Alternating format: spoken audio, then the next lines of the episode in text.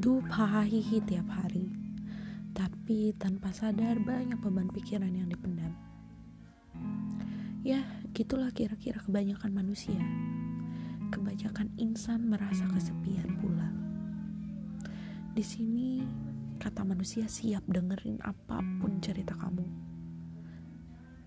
Baik itu sesuatu hal yang menyenangkan atau sesuatu hal yang bisa menyayat hati memandang cerita dari berbagai sudut pandang, mendengarkan dengan seksama, menanggapi dengan bijaksana.